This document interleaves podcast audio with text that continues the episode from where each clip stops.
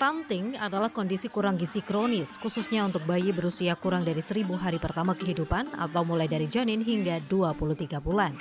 Kondisi ini pun mempengaruhi tumbuh kembang otak bayi hingga kesehatannya saat dewasa.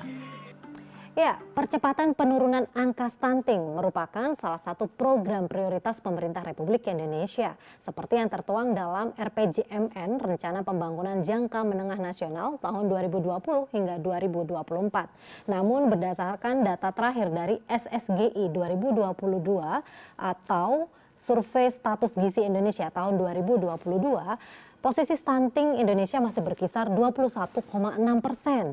Padahal targetnya ini adalah 14 persen di tahun 2024. Terjadinya stunting sendiri dimulai tidak hanya sejak lahir, namun sejak dalam kandungan, bahkan sebelum kehamilan.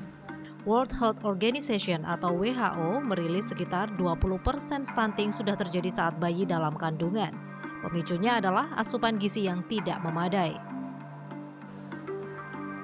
Kurangnya asupan gizi ini membuat ibu hamil misalnya mengalami anemia defisiensi zat besi. Kondisi ini bisa menghambat pertumbuhan janin. Namun stunting bisa dicegah yang dimulai sejak masa perkembangan remaja yang merupakan fase penyerapan nutrisi.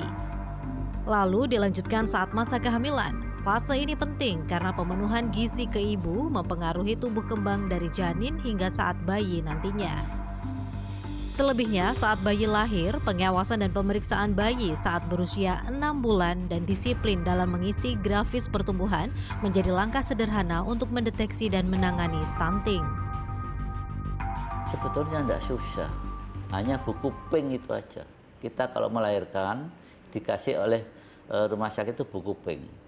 Itu rajin saja saben bulan ngisi itu, itu sudah nanti screeningnya ketahuan umur 6 bulan itu adalah masa kritis di mana yang harus diperhatikan kalau memang ini stunting harus dikonsulkan ke rumah sakit yang ada spesialis anaknya. Karena ada kemungkinan ini ada penyakit kronis. Kalau ada penyakit kronis, diobati. Kalau tidak ada, jadi kembalikan ke puskesmas untuk dilakukan intervensi gizi. Indonesia memiliki tujuan mencapai generasi emas di tahun 2045, yakni generasi muda yang berkualitas, berkompeten, dan berdaya saing tinggi. Cita-cita mencapai generasi emas di tahun 2045 pun bisa menjadi generasi cemas bila kasus stunting tidak tertangani. Wida Subianto, Miki Peresia, Surabaya, Jawa Timur.